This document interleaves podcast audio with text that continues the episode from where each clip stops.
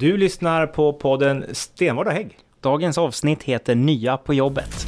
Vi är höger du och jag Moderater inför Rosenbad Höger i vårt DNA För att Sverige ska må bra Välkommen till, ja, vi brukar säga det, mandatperiodens första podd, men det är, liksom, det är mycket första nu, Alexander. Ja, nu är det allvar på riktigt, för nu har vi liksom formellt axlat våra nya roller och sen första januari så styr vi formellt på riktigt Region Gävleborg. Överallt, i alla instanser. Vi har ju haft ja, fullmäktige ja, jo, tidigare, det var nu så, är det ja. styrelsen. Nu har vi också ordförandeklubborna i nämnderna Ja. i den nya majoriteten. Ja, Och eh, ja, jag själv klubbade min första hållbarhetsnämnd förra veckan. Hälso och sjukvårdsnämnden och kultur och kompetensnämnden har haft sina första sammanträden. gick det lugnt till? Ja då, det tycker jag. Det var eh, inga större bekymmer.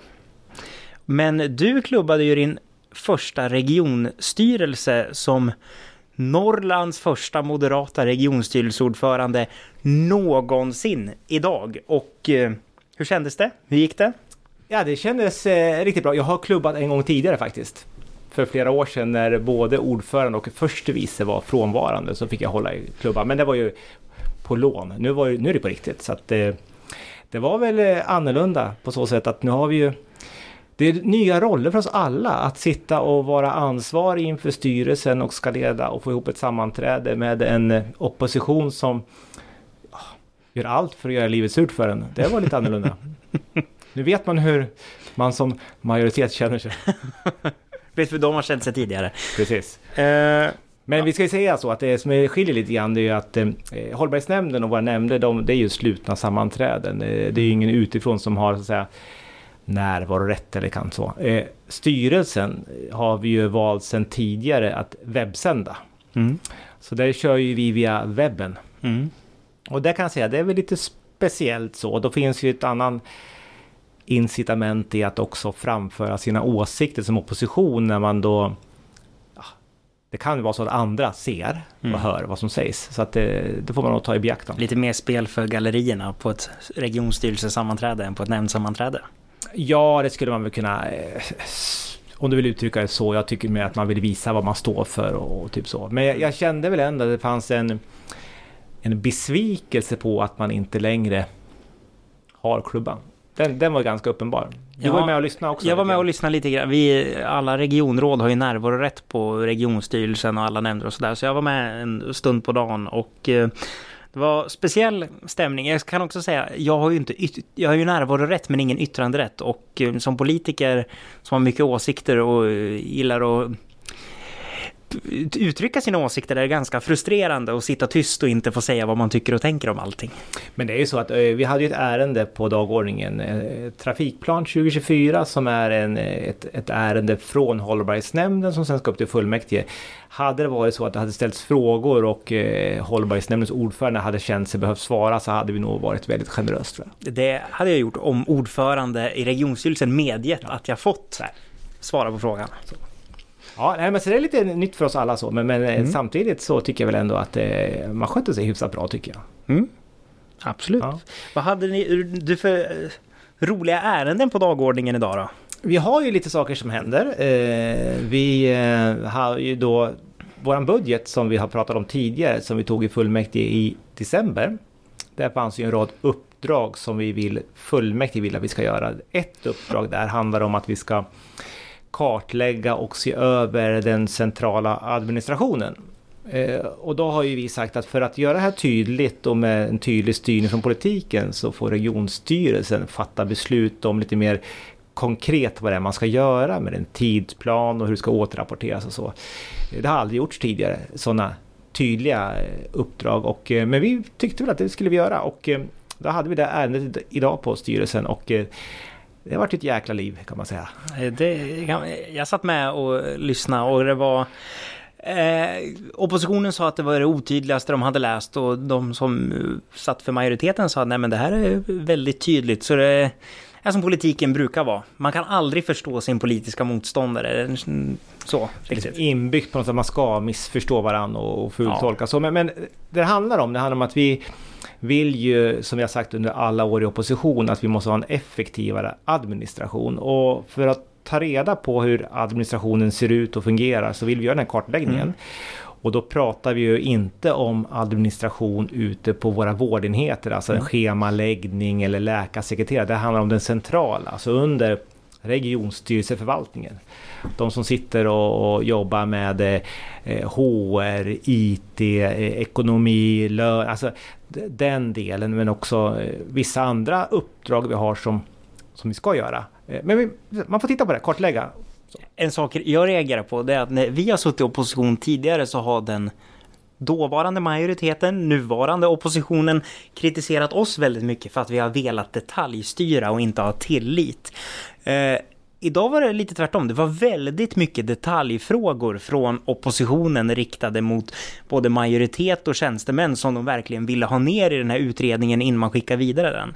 Men själva poängen med en utredning är att man har inte svar på allt och därför måste utreda för att få svar. Eh, så de hade en massa frågor som det är tänkt att utredningen ska svara på, men de vill inte ta beslut om någon utredning. Nej, och jag tror det här är, man är lite... Det är inte helt enkelt att styra politiskt och sen vara tydlig i sin styrning är inte alltid helt enkelt. Eh, och just en sån här sak som man gör, det är klart att när vi politiskt säger att vi vill se över den centrala administrationen så klart, det väcker ju jättemånga frågor hos våra medarbetare och våra, våra chefer. Eh, Och det ska man ha väldigt stor respekt för. Därför vill vi också köra igång med det här så fort som möjligt och inte vänta för länge. Eh, oppositionen vill ju skjuta det här en månad framåt i tiden men det skapar ännu mer osäkerhet och, och frågor. Eh, så att vi vill gärna ta det här direkt och också viktigt, det här ska vara klart inom ett par månader. Just för att vi ska kunna ha med det i våra budgetarbete framöver. Så vi vill ju effektivisera administrationen men vi vill också effektivisera och ha snabbare politisk styrning. Ja, och apropå liksom att utreda och sådär för att få svar så finns det ju en fråga som har utretts två gånger tidigare och nu har utretts en tredje gång och det har blivit samma svar alla tre gånger och det är ju huruvida regionen bör socialisera kollektivtrafiken, återta driften av kollektivtrafiken helt i egen regi. Eh, Du kan ju berätta det, i din nämnd där du har varit då, eh, vice ordförande från oppositionen tidigare har ni ju då beställt utredning två gånger va? Först så gjordes det en utredning internt av X-Trafik kring huruvida vi borde återta den egen energi. Idag körs ju bussarna av entreprenörer, alltså företagare som, som, som kör bussarna på vårt uppdrag och får betalt för det. Så kan Ja, säga. vi upphandlar eh, vår, vår kollektivtrafik. Eh, men då, förra mandatperioden hade, hade vi en vänsterpartistisk ordförande, eh, gillar ju inte upphandlingar och privata aktörer allt för mycket. De vill ju gärna att offentliga aktörer ska göra allt själv. Eh, så då beställde man då en utredning som först gjordes av X-Trafik eh, som kom fram till att det inte var lönsamt. Vi borde fortsätta upphandla. Eh, då var man inte nöjd med den. Då beställde man en extern konsultutredning för 600 000 kronor. Som även den kom fram till att vi borde fortsätta köra i egen regi. Sen har jag på egen hand Men den kom fram till att vi skulle upphandla. Ja, när den kom, Ja. ja, den kom Ja. fram till att vi... Jo, ja, fel av mig. Den kom fram till att vi skulle fortsätta upphandla. Ehm, sen har jag också beställt en, via en av våra riksdagsledamöter, en snabb eh, rutrapport som det heter, från riksdagens utredningstjänst. Tycker även den att det är bäst att upphandla. Sen i april i fjol så fattade regionstyrelsen, där du har suttit som andre vice ordförande och nu är ordförande, beslut om att tillsätta en utredning eh, om man ska socialisera dels kollektivtrafiken men även en massa Allt. andra. Ja, Allt. var allt Om allt som vi upphandlar idag ska Ja. kunna socialiseras. Där också kollektivtrafiken var med för en tredje gång. And guess what? Det redovisades idag och de kom fram för tredje gången att vi bör fortsätta upphandla. Ehm, Nej men när man tittade på, det var ju kollektivtrafiken eh, så, men det var ju Mm. också eh, eh, kost, alltså eh, maten vi serverar Mm. våra patienter, men också lunchrestaurangen på sjukhuset. Det handlar om städ, hur vi städar våra lokaler Mm. och våra, våra, våra sjukhus, men också fastighetsskötseln. Så det var olika delar man tittade på och alla delar sa man slutsatsen att det här är bättre att ni fortsätter upphandla. Mm. Eh, två delar som tycker jag sticker ut på det hela, det är att eh, först och främst så blir det dyrare i egen regi. Mellan Mm. 15 till 20 procent dyrare att driva. Jag räknar ut, det motsvarar för oss då ungefär 200 miljoner Mm. som vi kan lägga på annat än att betala för egen regi. Mm. Men en annan viktig del, och den gäller nog också kollektivtrafiken, det är att du blir tydligare i vad det är du vill ha för tjänst om du upphandlar. För då måste du definiera, beskriva, det här vill vi ha. Istället för att ha anställda som, ja, som Mm. levererar någonting som är, kan ibland, behöver inte vara, men ibland kan det vara otydligt. Så att, Mm. eh, en annan upphandling vi gjorde för många år sedan, det var ju upphandlingen driften av Bollnäs sjukhus. Det var en Mm. sån här sak som gick igenom en budget för nu många år sedan. Det var långt före din tid Alexander. Långt före min Ja, tid. precis. Och då, det viktigaste i den upphandlingen, det var att man kom fram till att man fick ta reda på vad gör vi på Bollnäs sjukhus? Man visste inte innan vad vi gjorde för någonting. Så det finns en tydlighet i vad vi gör när man också upphandlar.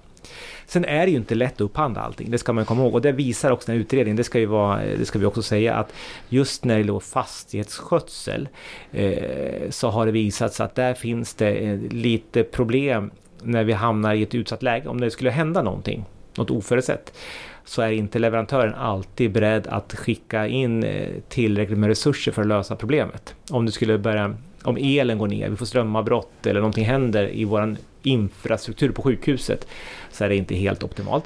Och då tycker de att det ska vi då säkerställa i upphandlingen. Så de vill ju att vi ska jobba vidare med det här, men jobba i Mm. upphandlingsformen. Precis, för man kan ju ändra sina upphandlingskrav så. Ja. Det är ju eh, Och vi har lärt oss möjligt. under pandemin också att det händer mycket saker. Eh, och nu har vi också ett krig som pågår för fullt i Europa. Så det är klart att eh, skulle det slå hårdare mot oss i vår verksamhet så är det också viktigt att vi har tagit hänsyn till det i våra upphandlingar. Men det där har vi lärt oss lite grann av. Men ja, annars var det väl en bra, bra utredning. Ja, och jag skulle kunna komma med ett löfte så här, Oj. vår Oj, oj, första podd i styrande position, att nu har vi utrett det här tre gånger och jag kan lova alla Gävleborgs skattebetalare att jag kommer inte slösa era pengar på en fjärde utredning som förmodligen kommer komma fram till exakt samma sak som de tidigare tre utredningarna. Det är nog med att utreda huruvida vi ska socialisera kollektivtrafiken eller inte. Ja men det låter bra. Det känns tryggt att du är eh, rädd om, om våra skattebetalares eh, pengar. Så, så att vi har, ja, ja men det är bra. Eh, Vi ska väl, vi, vi kan väl också lova, vi ska hålla i våra skattepengar så gott vi kan. Ja.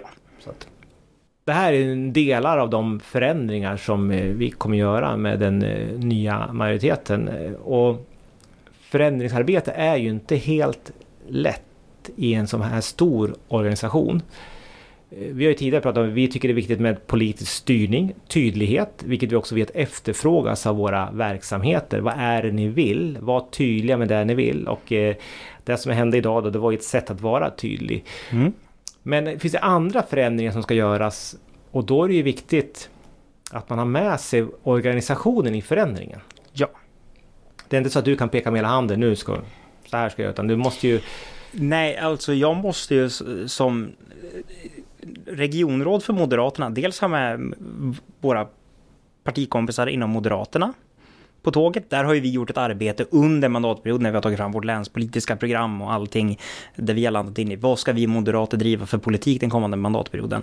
Sen ska vi synka ihop det oss fyra samarbetspartier inom majoriteten ska sy ihop någonting. Och sen har ju jag i min roll som nämndsordförande också eh, nu förra veckan har, eh, har satt mig ner med de övriga företrädarna för våra fyra majoritetspartier i hållbarhetsnämnden och stakat ut de uppdrag och de uppgifter vi har fått i budgeten till hållbarhetsnämnden. Okej, hur ska vi lägga upp det här arbetet? Hur ska vi prioritera? Vilken förändring är viktigast att göra först? Vad vill vi ha implementerat först? Eh, det är ju så arbetet går till rent praktiskt och det som ligger närmaste tiden för oss att ta tag i, precis som du har jobbat med administrationsfrågan i, inom regionstyrelsen, så ska ju vi dra igång ett trygghetsarbete inom kollektivtrafiken eh, rätt så snart här, där det bland annat kommer handla om att vi kommer möjliggöra eh, ljudupptagning på våra bussar. När hotfulla situationer kan uppstå, exempelvis mellan en resenär och chauffören, att chauffören ska kunna spela in det som sägs för att det är ju en- liksom en trygghetsfaktor och har också varit i tidningen att skyddsombuden för busschaufförerna eh, säger att det här är något som har efterfrågats och som man ser otroligt positivt på. Så det är ju kul. Men det är ju just det här förändringsarbetet att göra som du nu beskriver, att man Mm. fångar upp signaler från de som är ute i våra verksamheter. I ditt fall Mm. busschaufförerna och, och deras skyddsombud. Vad är det som är viktigt för att skapa en, en bra arbetsmiljö? Mm. Men sen också att få igenom förändringen sen, att, att det ska nå ut i alla bussar.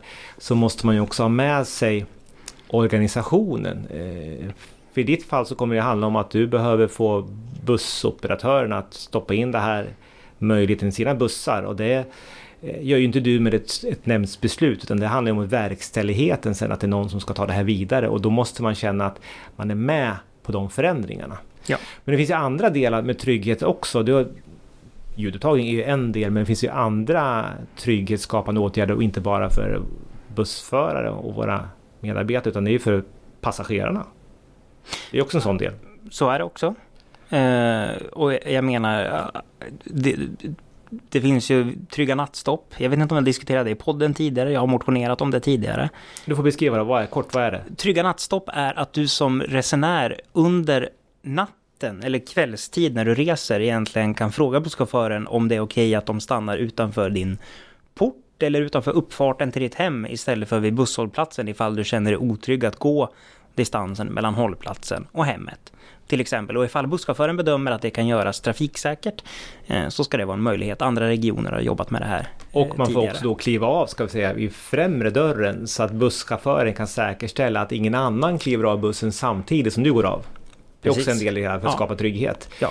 Och det, när det här ska införas så måste ju det göras på ett strukturerat sätt, ordning och reda, i dialog med operatörerna, med, med bussförare och allting. Så det tar ju en viss tid i den förändringsprocessen. Ja. Men att vi vill det politiskt, det är vi ju väldigt tydliga med. Ja. Så, men hur exakt det kommer gå till, när i tiden, det återstår ju att se.